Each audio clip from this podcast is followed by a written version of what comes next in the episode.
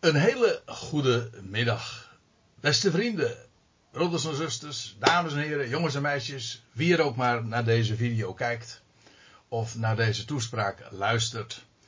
Ik ben blij dat ik weer een keer een uh, Bijbelstudie op deze wijze kan geven. Het is wat later dan aanvankelijk gepland.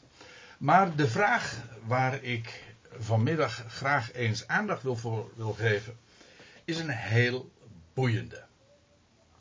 En ik denk dat uh, veel luisteraars en kijkers dat uh, met mij eens zullen zijn.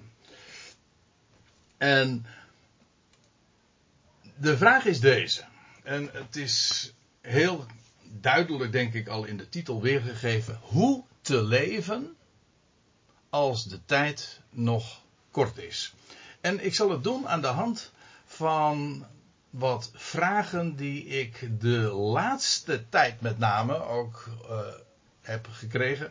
Wellicht ook vanwege bijbelstudies die uh, de laatste jaren erg in de belangstelling staan en die ik geef over de tijd van het einde, over het einde van deze aion, van dit wereldtijdperk.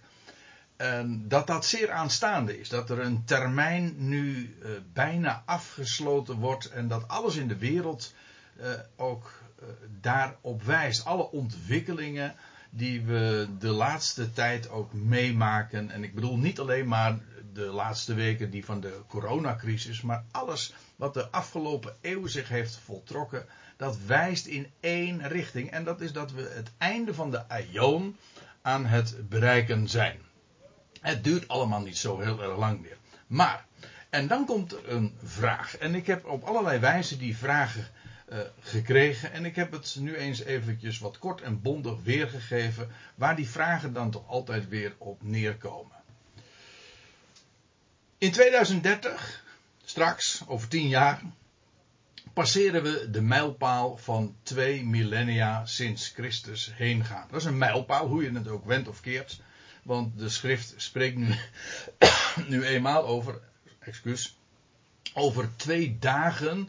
Zo rekent God en zo rekent de Heer. En hij zegt ja, uh, dat, zijn voor dat, dat een dag is voor mij als duizend jaar. Dus uh, als de Heer zegt dat hij na twee dagen zal komen, terug zal keren op de derde dag. Dan betekent dat we in de tijdrekening dus echt uh, bijna een aangekomen zijn bij die mijlpaal. Zonder daarmee te beweren dat 2030 dus dat jaar is. Uh, daar is meer van te zeggen dan dat ik nu wil doen. Het is voldoende nu om aan te geven dat het in ieder geval een heel markant moment is dat we gaan passeren. Enfin, in 2030 uh, straks passeren we de mijlpaal van twee millennia sinds Christus heen gaan. En de vraag is dan, hoe leven we dan de tijd nog die ons hier rest? Ongeacht of dat nog 10 jaar of, of 15 jaar of 20 jaar of, of misschien nog uh, korter, nog 5 jaar is. Dat is nu even niet het onderwerp. De tijd is nog heel kort, daar gaat het om. En de vraag is dan, hoe leven we die resterende tijd nog?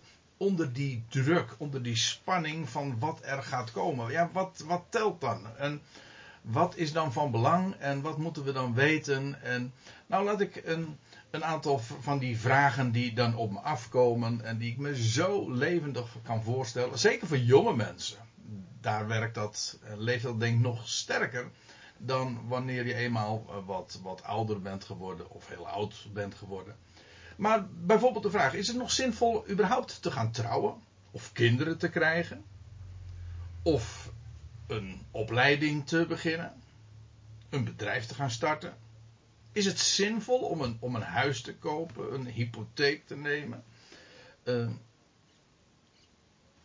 ja, daar kun je natuurlijk grappige dingen over zeggen en concluderen. En zeggen van ja, je moet juist een zware hypotheek nemen, want uh, wij zijn dan toch lekker weg. En, uh, en uh, die schuld, dat wat wij dan nog eigenlijk financieel te hebben te vereffenen, dat uh, is ons pakje aan dan niet meer. Ik wil het niet in die grappige sfeer trekken en, en, uh, en op die wijze het, het, neerzetten. Het gaat mij puur om de instelling waarmee je nog kunt leven als je weet dat de tijd nog kort is. hoe doe je dat? Plannen maken op langere termijn. kan dat dan eigenlijk nog wel? Oftewel, wat samenvattend, werkt de wetenschap dat de tijd nog kort is, niet verlammend voor het dagelijks leven en voor het maken van plannen en het maken van keuzes. En ik zal je zeggen dat ik daar in de loop van de decennia. Ik ben inmiddels uh, 59 en ik heb uh, op dat gebied ook uh, al het een en ander meegemaakt van allerlei predikers, bijbelleraren die een datum hebben gezet. En dan, eh, ja, dat voor het publiek die daar waarde aan hecht, of geloof, geloof aan hecht, dat dat heel verlammend kan werken. Als daar tenminste geen gezond onderwijs in gegeven wordt. En ik heb daar al heel wat voorbeelden van gezien. En ook hele kwalijke voorbeelden. Van mensen die inderdaad. Jonge mensen dan met name. Die besloten hun opleiding maar niet meer af te maken. Want ja, volgend jaar. Of de berekende datum zou dan over twee of drie jaar zijn. Het had toch allemaal geen zin meer. Dus het komt er eigenlijk op neer dat als je uh, daarvan uitgaat. Al of niet terecht, dat is nu eigenlijk nog niet eens het punt. Maar als je ervan uitgaat dat het allemaal nog zo kort duurt. Wat voor waarde hebben de keuzes die je maakt hier op aarde dan nog? Dat is de grote vraag. Nou, wat ik in deze Bijbelstudie wil doen, is niet uh, mijn eigen adviezen geven, maar ik wil teruggaan naar ja, de basis. Uh, ik wil mijn, uh, mijn licht eens opsteken bij Paulus, die daarover het zijne ooit heeft geschreven in de Korinthebrief. Paulus, de apostel van de natie, de apostel bij uitstek, die in deze tussentijd, waarin Israël tijdelijk terzijde is gesteld, uh, eigenlijk toch de man is die ons voorziet van het directe onderwijs dat voor ons vandaag actueel is. Hij schreef uh, de Korinthebrief en dat moet zo ongeveer in, de, in het jaar 54 geweest zijn van onze jaartelling.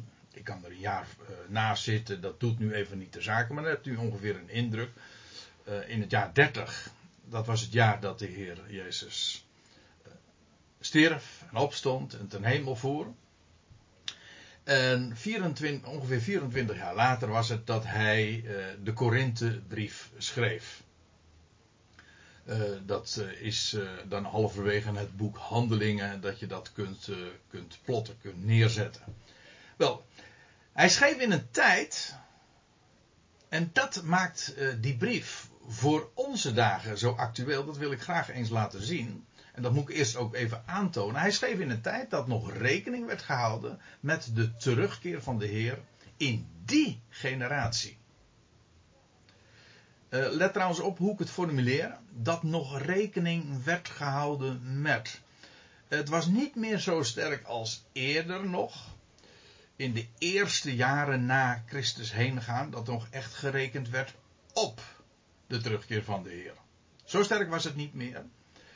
Maar hij hield in ieder geval tot aan het einde van het boek Handelingen. Handelingen 28, dat is zo ergens in het jaar 60, 61, 62. Hield Paulus wel degelijk nog rekening met de terugkeer van de Heer in die dagen. En ik wil het graag eventjes in een schema laten zien. Je ziet hier een aantal kolommen. En in de tweede rij vanaf beneden, dan zie je het boek Handelingen met de indeling van hoofdstukken, de eerste zes hoofdstukken. Daarin prediken de twaalf, met name Petrus is degene die dan de, de woordvoerder is, Johannes. Maar in ieder geval de twaalf, als uitbeelding ook van Israël, die prediken bekering aan Israël. En die prediken de opgewekte Messias en dat Israël tot uh, inzicht zou komen en tot erkenning zou komen van de opgestane Messias die zij kort tevoren hadden vermoord en overgeleverd aan de, aan de Romeinen. Wel, wat zij prediken, en je ziet dat met name in Handelingen 3 zo glashelder, dat Petrus dat uh, het volk in Jeruzalem ook voorhoudt, dat het koninkrijk zal aanbreken. Alleen, er is een voorwaarde, Israël zou zich bekeren. Maar de poort staat wijd open. De schone poort. Dat is trouwens ook handelingen 3. Eh, de, de poort staat open en er is nog echt dat uitzicht op, op het koninkrijk dat zeer aanstaande is. En dat was trouwens ook de vraag in het boek Handelingen in het begin, dat, vlak voordat de Heer Jezus ten hemel voert, dan lees je ook dat, dat de discipelen gespannen die vraag stellen van, uh, Heer, herstelt u in deze tijd het koninkrijk voor Israël? En de Heer geeft een min of meer ontwijkend antwoord. En hij geeft ze eigenlijk uh, een missie mee. En dat is dat ze zijn getuigen zouden zijn in, in Jeruzalem, in Judea, Samaria zelfs buiten de landsgrenzen tot aan, de, aan het einde van het land of het einde van de aarde. Nou, die eerste jaren, dat is zo ongeveer tot uh, 3,5, 4 jaar geweest, uh, hebben zij dat gepredikt. Dat is een heel markante tijd. Doe het nu ook even niet ter zake. Maar in die tijd uh, was Israël nog helemaal in de picture. Israël zou tot bekering komen en dan zou de Heer ook spoedig terugkeren. Nou, we weten wat er gebeurd is. Uh, Handelingen 7 is eigenlijk een, een, een, een, ommekeer in het, in het boek. Want dan lees je dat Stefanus, zijn naam betekent trouwens kroon, of krans. En, en, en, die wordt gestenigd. En daarmee bevestigt het Sanhedrin officieel eigenlijk ook dat ze er verstandig hebben aan, hebben gedaan dat ze de Messias e- een aantal jaren eerder hebben vermoord. En dus in feite het ongeloof van Israël uh, wordt voortgezet. Nu verwierpen ze niet alleen maar uh, Christus en, uh, en hebben ze hem gekruisigd, maar nu bevestigden ze de keuze heel bewust. En ook de opgestaande Messias verwierpen ze daarin. En dan, in die geschiedenis trouwens van Stefanus, die gestenigd wordt, dan komt er al een figuur eigenlijk ja, achter de coulissen, die op de achtergrond al een rol speelt, namelijk een jongeman, Saulus. En die wordt dan inderdaad ook geroepen, dat lees je in Handelingen 9, en, en nog weer een heel aantal jaren later, uh, als hij uh, dan weer teruggegaan is naar Tarsus. En, en, vanaf handelingen 13 dan lees je dat, dat Paulus ook uh, wordt, terzijde wordt gesteld en, en wordt ge, gereserveerd om naar de natieën te gaan. En dat, is, dat zijn de hoofdstukken eigenlijk van hoofd, vanaf 13 tot en met 28, het, het, tot aan het slot van het boek Handelingen. En dan wordt de toon een andere. Nog steeds is daar de mogelijkheid dat Israël zich bekeert en de wederkomst plaats zal vinden. Maar uh, nu is de toon een andere. En ik heb dat ook weergegeven in de kleuren die in dit plaatje staan. In eerste instantie is de kleur nog groen. Uh, maar in de hoofdstukken 13 tot en met 28 gaat het licht op oranje een waarschuwing, een alarmfase is er eigenlijk aangebroken. Eigenlijk wat Paulus naar voren brengt, het koninkrijk zal niet aanbreken. Nou ja, tenzij Israël zich bekeert. En feitelijk zijn hele missie om naar de natieën gaan is ook opdat het volk nog tot uh, naijver geroepen zou worden en gebracht zou worden en opdat Israël via die weg alsnog uh, zou, uh, zich zou bekeren. Maar u ziet het, eerst in eerste instantie is nog de boodschap: het koninkrijk zal aanbreken, mits Israël zich bekeert.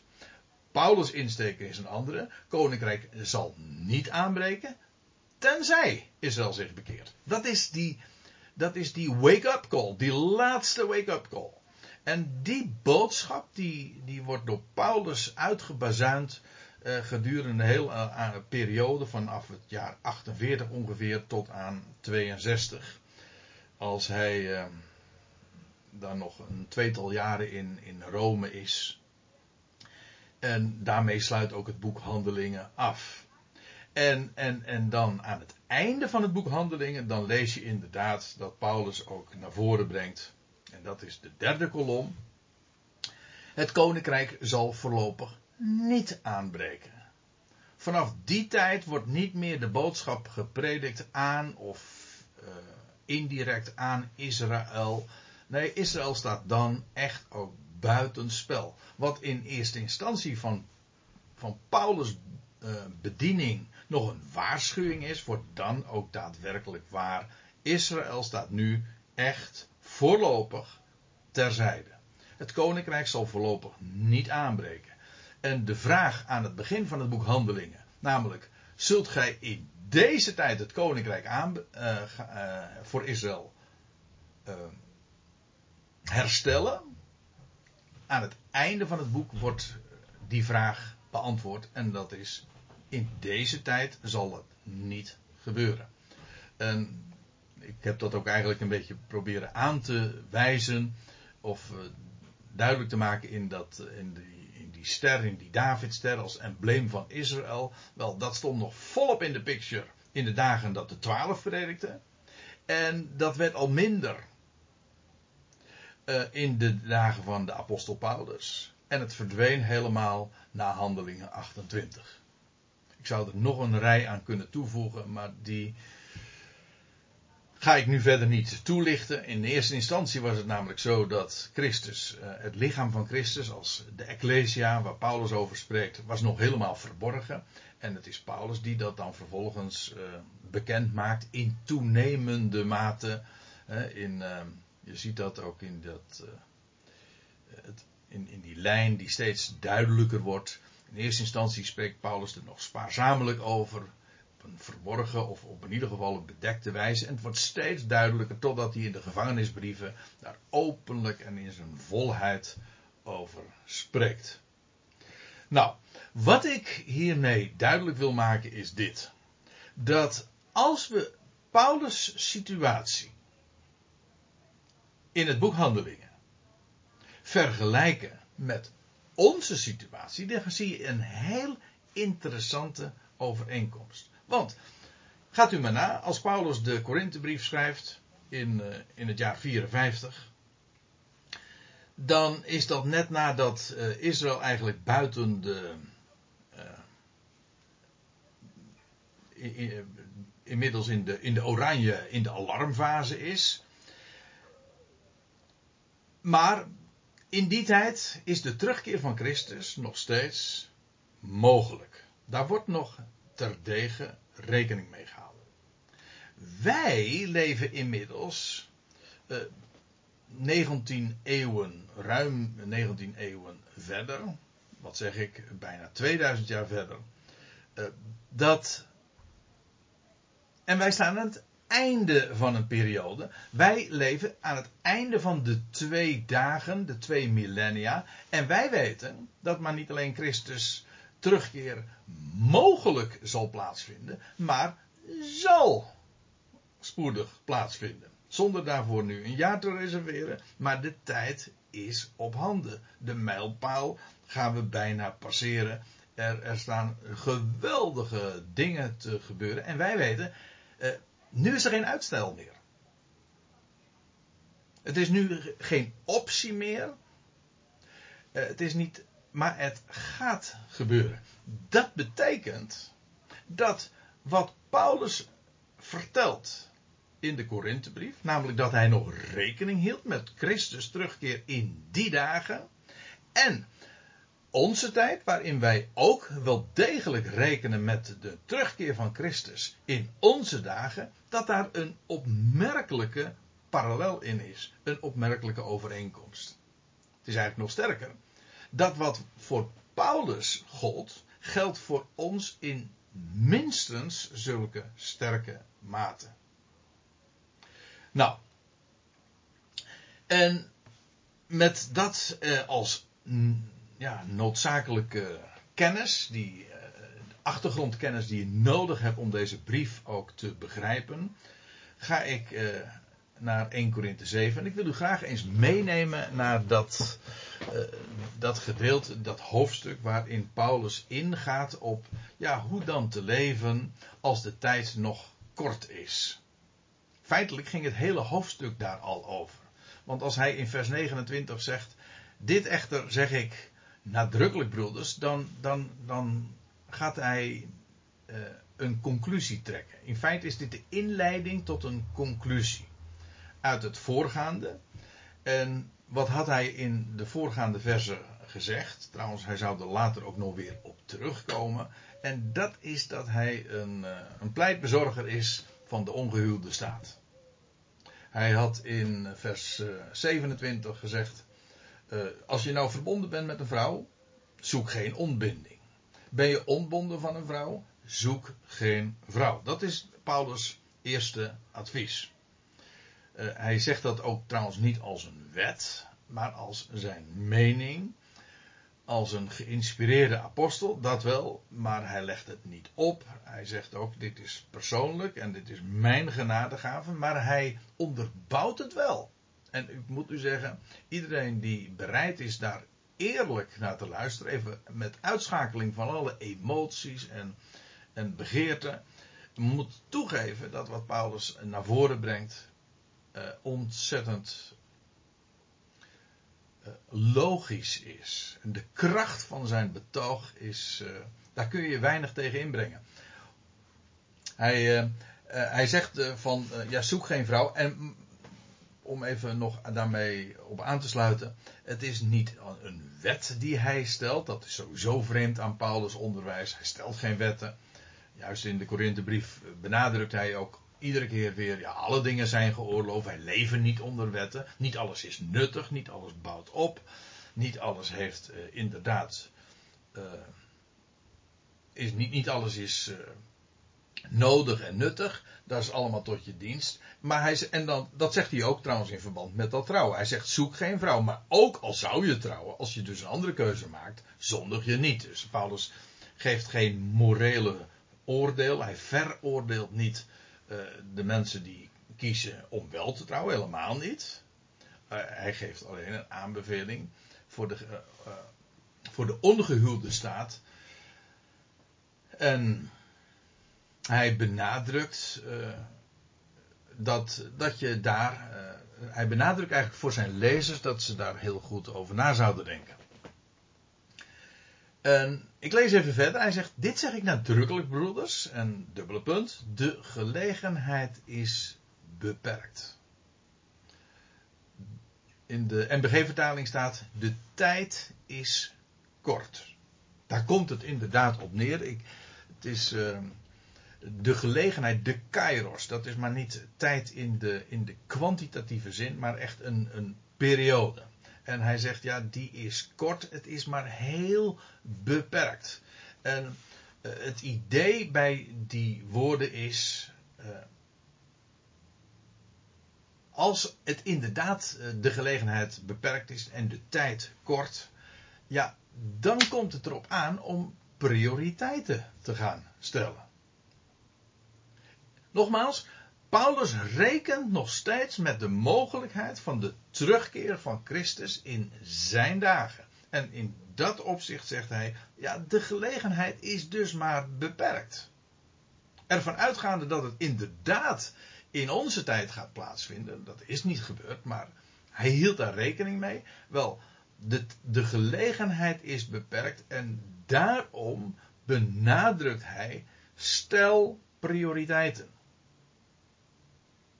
Ja, als je maar heel weinig tijd hebt, ja, wat doe je dan? Nou, datgene wat het belangrijkste is, ja, dat zet je voorop.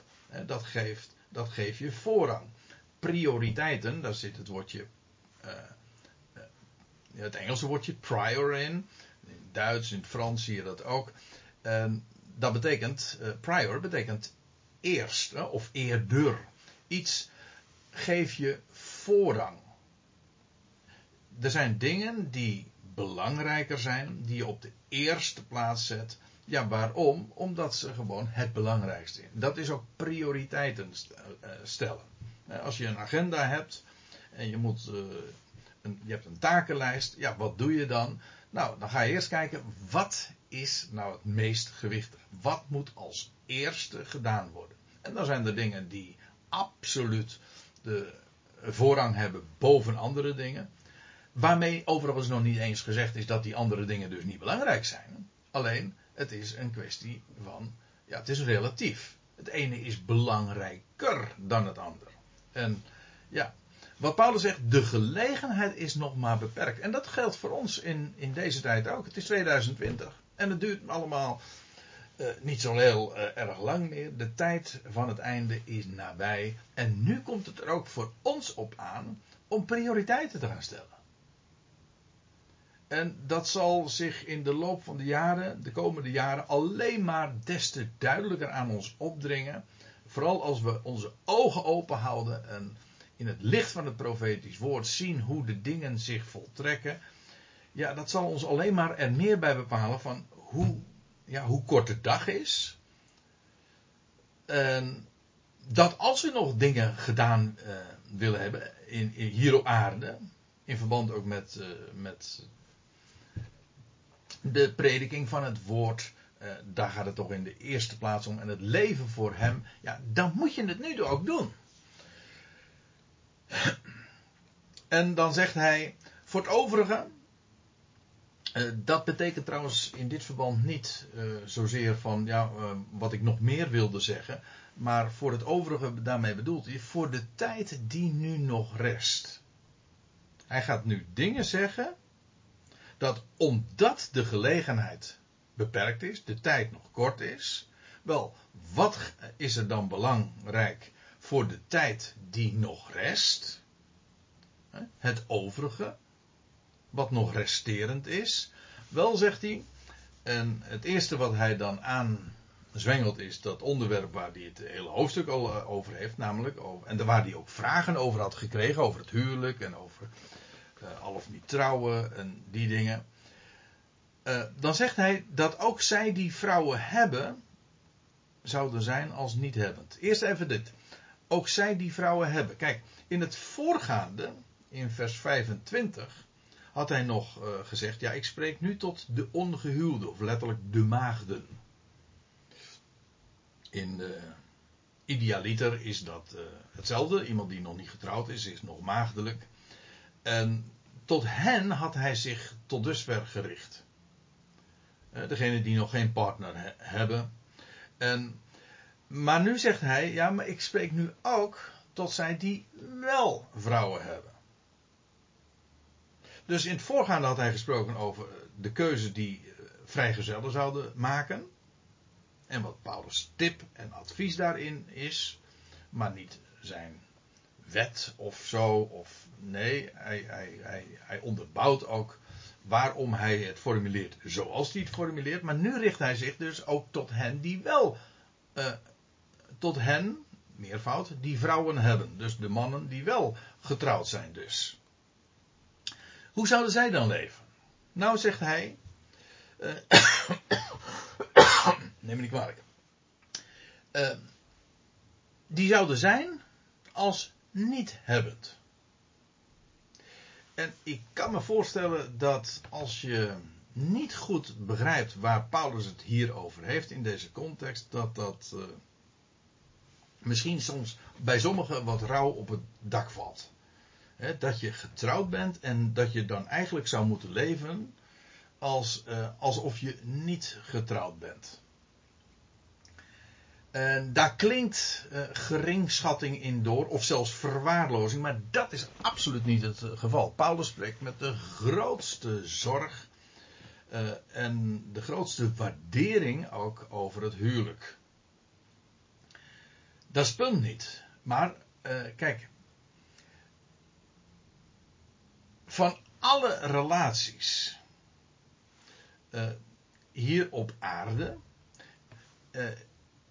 is het huwelijk de belangrijkste. Ik bedoel, ik heb uh, een tal van connecties, tal van banden uh, hier op aarde.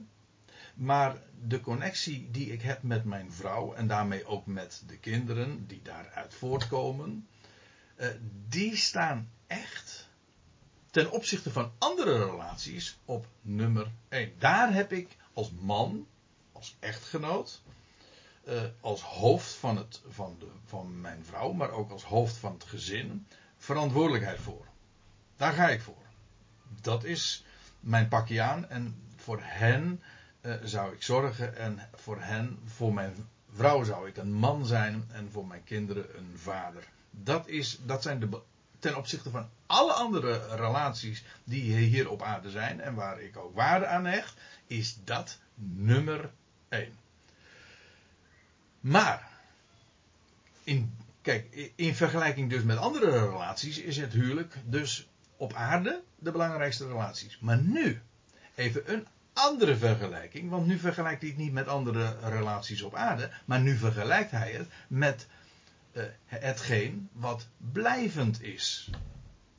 En dan moet je vaststellen dat het, uh, het hebben van een vrouw maar een hele tijdelijke aangelegenheid is. Hoe waardevol het huwelijk ook is, het is tijdelijk. Ja, per definitie, voor, ik bedoel elke sterveling. Het huwelijk duurt tot de dood scheiding brengt. Maar zeker in een uh, in ogenschouw dat als de tijd van het einde en de terugkeer van de Heer aanstaande is, ja, dan is het huwelijk uh, des, te, des te meer inderdaad tijdelijk. Wel, en het is met name vanuit dat perspectief dat vrouw Paulus er uh, ook over spreekt. En dan zegt hij, wel, laat zij die vrouwen hebben, zou uh, zijn als niet hebbend. Uh, het is tijdelijk. En daarom, ten opzichte van dat wat blijvend is, verdient het blijvende boven het huwelijk, hoe waardevol ook, nogmaals, ik, kan dat niet genoeg benadrukken, want zodat er geen uh, verkeerde conclusies uit uh, wat ik zeg naar voren gebracht uh, of getrokken zouden worden.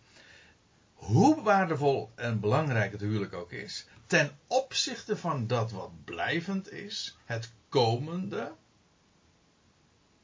is het inderdaad inferieur. Het is het verblijvende verdient altijd prioriteit. En dat uh, is de insteek voor, ook voor een, een gezonde insteek, ook voor mij als man, als echtgenoot. En dat geldt voor een echtgenote natuurlijk net zo. Uh, het huwelijk is niet het allerbelangrijkste.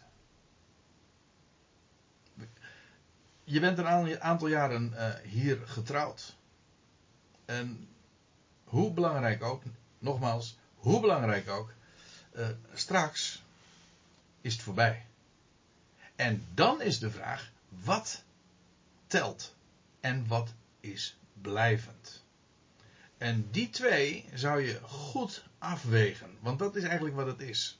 Een afweging. Wat is het zwaarst? Ik kom daar straks nog even op terug. Het gaat trouwens niet alleen over uh, het, uh, het, hebben van een vrouw of, uh, of getrouwd zijn. Paulus zegt van ja, degene die een vrouw hebben, die zouden zijn als niet, als niet getrouwd. Uh, daar afstand innemend, in de zin van dat relativerend. Hij zegt het ook ten opzichte van andere dingen. die hier op aarde van, van belang zijn. Ook de emoties. Let maar eens op. Hij zegt, en die huilen, al zouden ze niet huilen. Is het tweede wat hij noemt. Kijk, huilen is net als getrouwd zijn een hele legitieme aangelegenheid. Huilen is een emotie die op zijn plaats kan zijn. Zeer op zijn plaats. Hij zegt uh, in, in de Romeinenbrief, die uh, korte tijd later is geschreven dan wat hij hier optekende in de Korinthebrief, dat zij die wenen Nee, dat Paulus het advies geeft: ween met de wenende. Dat wil zeggen, als, als je in een huis van rouw komt, er zijn mensen die verdriet hebben, wel, uh, ween met hen mee. Paulus beveelt niet een stoïcijnse levensstijl aan waarbij je onbewogen de dingen meemaakt. Nee, hij zegt ween met de wenende. Maar ook dan zegt hij, uh, zij die huilen als niet huilend. En ja, ook daarin is het weer, het is, het is subtiel. Het is aan de ene kant dus het honoreren van dingen die hier van belang zijn en van waarde zijn, het huwelijk, maar ook verdriet en tranen, dat is allemaal tot je dienst. Maar realiseer je ook, het is voorbijgaand. Dat is in het algemeen een ontzettende uh, belangrijk gegeven dat ook van de verdrietige dingen die je meemaakt in je persoonlijk leven of in, in, in een breder verband, uh, realiseer je, het is slechts tijdelijk. Ik heb wel eens gelezen dat er een grote kathedraal in uh, Milaan is. Ik, ik heb hem misschien ooit bezocht, maar het is me toen ontgaan. Maar er schijnt een, een kathedraal in Milaan te zijn waarvan ik las dat die drie poorten heeft. En uh, op de linkerpoort staat al het verdriet. Daar staat er boven de inscriptie: al het verdriet is slechts tijdelijk. En de rechterpoort heeft de inscriptie: alle vreugde is slechts tijdelijk. En boven de middelste poort staat dan de tekst: slechts wat blijvend is, is belangrijk. Nou, ik verdenk degene die dit zo uh, bij die kathedraal hebben uh, bedacht en zo hebben uh, daar vastgelegd, dat ze notie hebben genomen van wat Paulus hier in 1 Corinthië 7 schrijft. Want dat is precies ook wat hij zegt. Het, het verdrietige, dat mag er zijn. Maar het is slechts tijdelijk. Er komt een moment dat je erop terug zal zien en dat je erom zal gaan glimlachen. En dat je ook zal weten waarom het moest wezen. En dan zul je het ook in perspectief plaatsen. Nou, eigenlijk komt het erop neer dat Paulus zegt van. Uh, als je in de situatie bent dat je huilt, verplaats je dan ook al even naar het moment als het blijvende eenmaal eh, gekomen zal zijn, dat je ter, zal terugblikken op, op, waar, op dat waar je nu verdriet van hebt. En dan, en dan leer je het te relativeren. Verdrietige zaken op aarde zijn voorbijgaan. Dat geldt trouwens natuurlijk net zo. Uh, zoals ik dat eh, even zojuist al aangaf met dat uh, verhaaltje over die, die kathedraal met die rechterpoort ook. ook vreugdevolle dingen zijn ook tijdelijk. Kijk, er zijn zoveel dingen hier in het leven. Want daarover heeft Paulus het over aardse zaken waar je je om kunt verblijden. Je, daar is een vakantie. Uh, de, gewoon de geneugten des levens. En van eten en van drinken. En van uh, het plezier hebben. Wel, prachtig. Geniet van die dingen. En hoe waar dat ook is, Paulus zegt erbij, maar zij die blij zijn als niet blij zijn. Uh, ook daarvan geldt, ook dat gaat weer voorbij. En het idee daarbij is dat je er dus niet in op zou gaan. En je zou realiseren, ook dat, uh, wat ik nu meemaak aan verdriet, maar ook aan vreugde, het gaat weer voorbij. Klamp je er dus niet aan vast. En ik denk dat dat voor, uh, voor de tijd die nog rest hier zo'n uh, zo'n belangrijke aansporing is wat Paulus hier uh, naar voren brengt. het geldt ook voor, de, voor iets anders. Hij had het over het huwelijk, over emoties, huilen, maar ook over de geneugten, het, de, de blijde dingen, de plezierige dingen. En nu spreekt hij over degene die kopen als niet vasthoudend. Kijk, in feite, je, het is altijd zo, als je iets aanschaft, dan doe je dat om, om het tot je bezit te maken.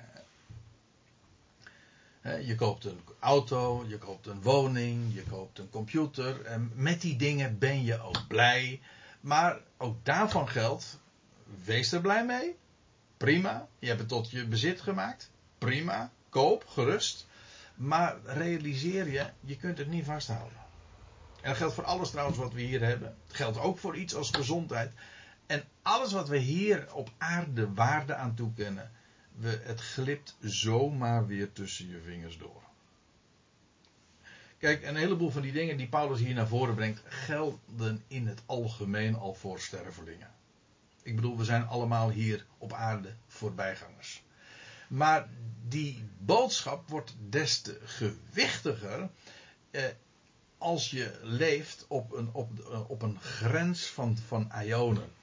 En als die mijlpaal van, van, van 2000 jaar straks, ge, uh, als we die gaan passeren, ja, naarmate die nadert, ja, worden de woorden die Paulus hier optekent, hè, van de tijd is kort, des te belangrijker.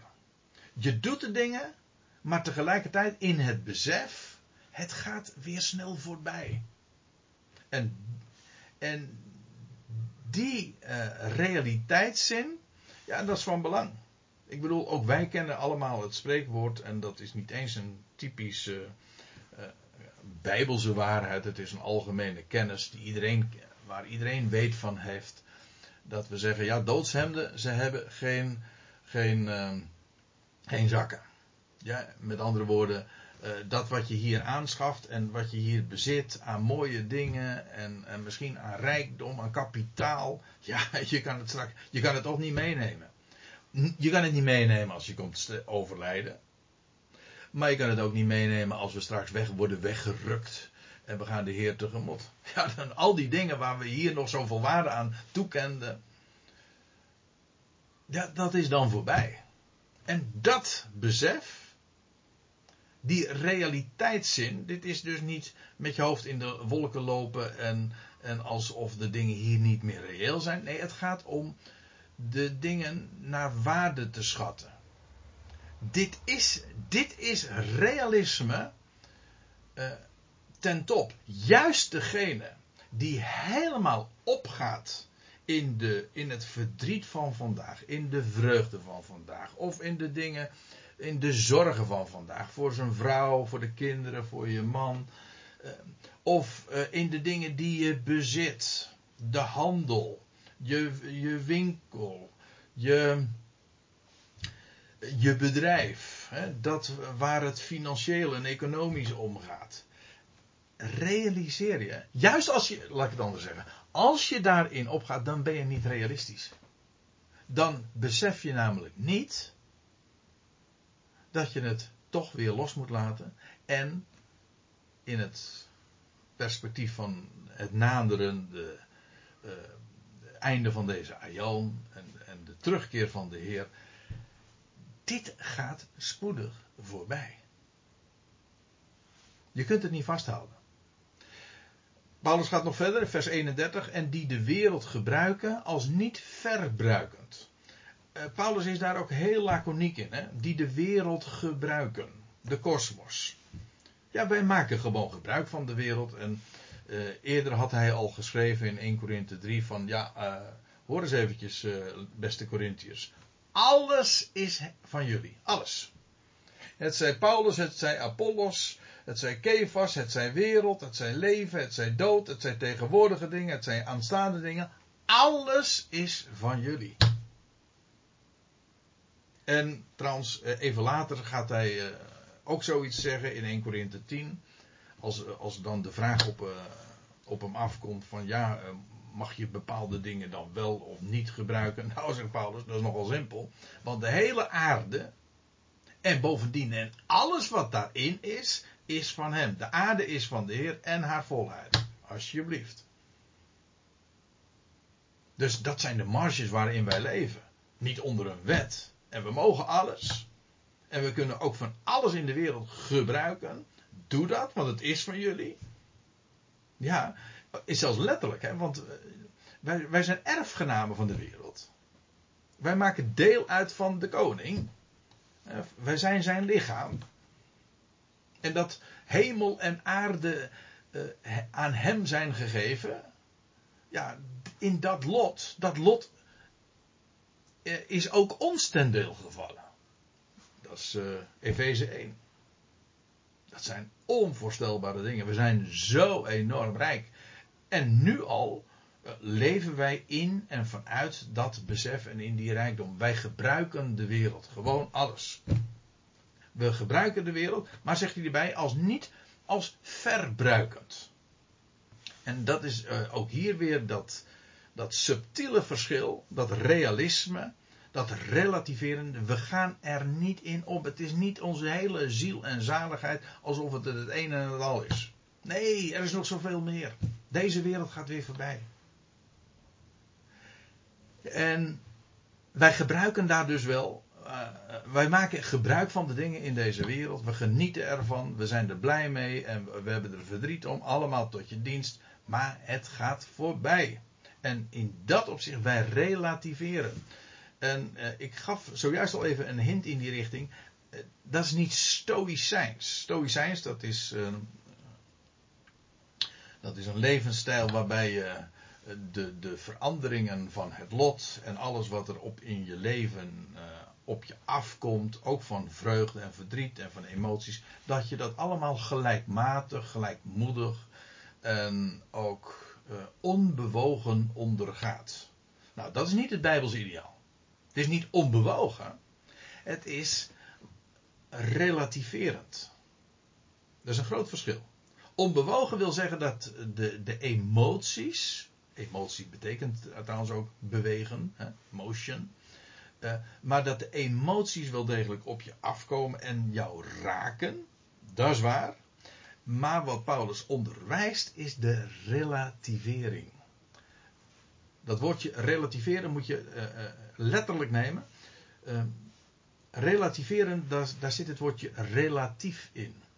En relatief is weer het bijvoeglijke vorm van relatie.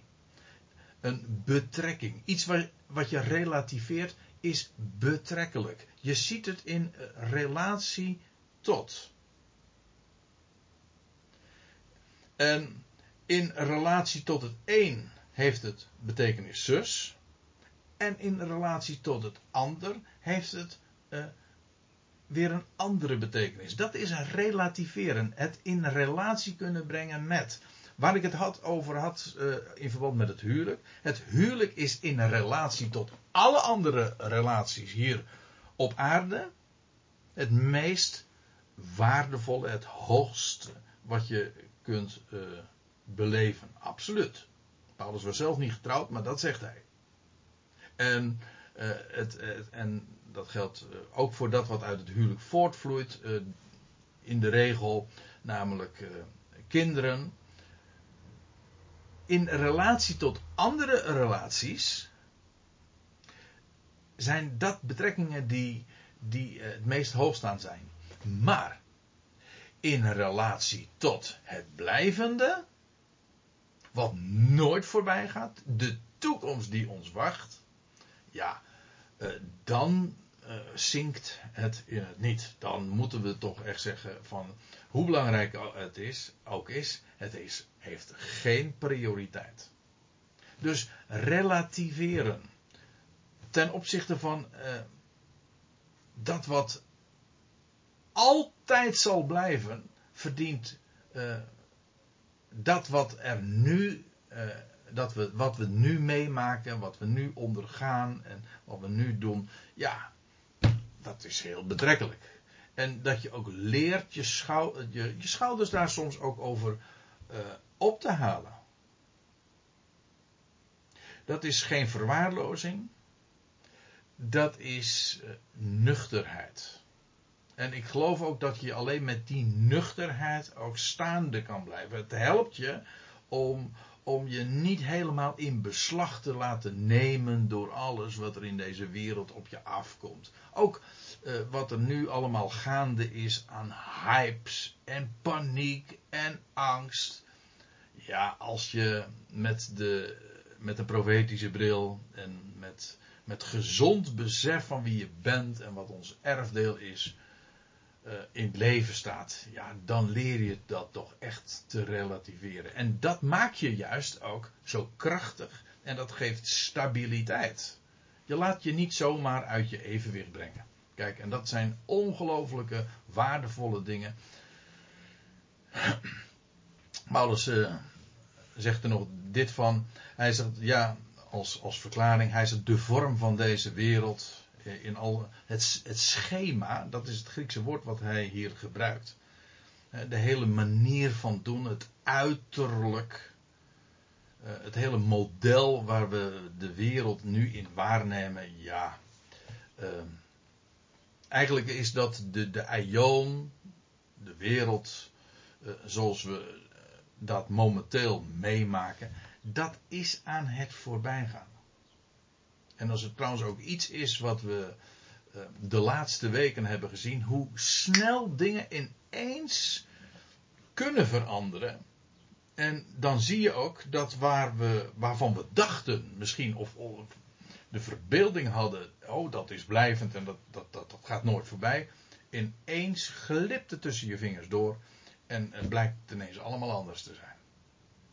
En een heleboel dingen waarvan we dachten uh, en waar we helemaal in opgingen, blijken in, ineens helemaal geen bezittingen te zijn, maar voorbijgaand.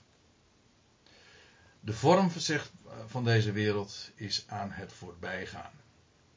Dat is een, eh, een algemene waarheid voor stervelingen, zeker. Maar in het bijzonder is dit de waarheid op het snijvlak van twee ionen. En daarom, als Paulus deze dingen noteert in de Korinthebrief en rekening houdend ook met dat de, het koninkrijk in die dagen al geopenbaard zou gaan worden, dan zegt hij, dan houdt hij ons deze houding voor. Want het is een attitude, het is een, een mentale gesteldheid waarmee je naar de wereld blikt en waardoor je ook je in je laat leiden in, je, in de keuzes die je maakt. Dus, samenvattend, Paulus' advies voor wanneer de tijd nog kort is. En nou denk ik ook weer eventjes aan die mail die ik voorlas, of de vragen die op uh, me afkwamen en waarbij we zo de vragen stelden van, ja, wat, wat, wat doe je nou, wat doe je nou, waar, wat is verstandig als, als je weet dat de tijd nog kort is? Nou, dan zegt Paulus dit. Hij zegt, leef, heb lief, koop, maak gebruik van alles.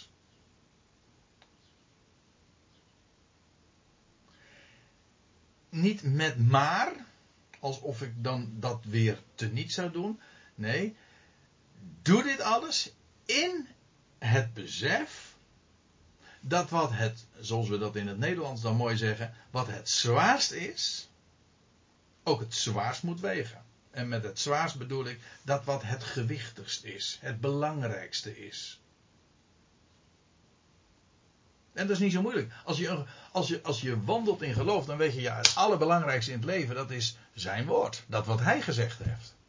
En de toekomst die ons wacht. En het beste dat nog gaat komen. Ja, dat is het meest gewichtig. Paulus schrijft trouwens, schiet me zo ter plekke te binnen in 2 Korinthe 4, ja, dat, dat alle tijdelijke, ja, uh, dat van het moment, uh, ja, dat gaat voorbij. Hij zegt, maar uh, het, het, het gewichtigste, dan moet ik even goed voorlezen, 2 Korinthe 4 schrijft hij dat.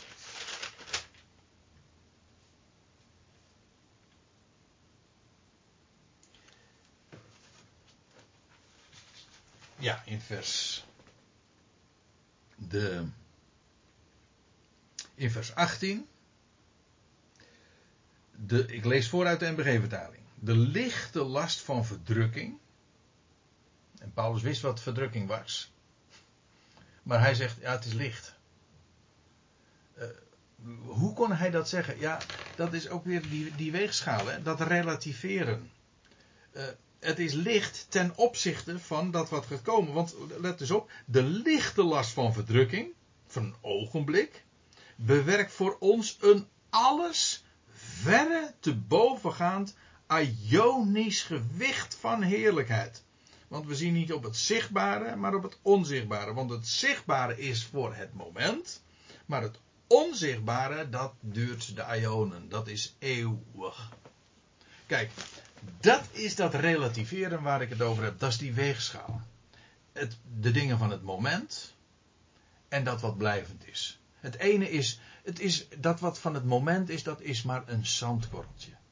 En het blijvende, dat is dat strand. Dat is de verhouding. En dat maakt ook alles wat we in dit leven meemaken, dat is allemaal dat zandkorreltje.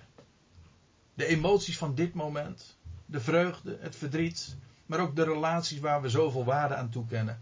Het is slechts licht. Wat het zwaarst is, het gewichtigste, ja, dat moet het zwaarst wegen. En dat is, uh, dat is nummer één. Dat gaat voorop. En dat is de toekomst die ons wacht. Het beste, dat gaat nog komen. Dat is het zwaarste. En dat zal ook het zwaarst wegen. Dat is het leven en van verwachting dat we mogen leven.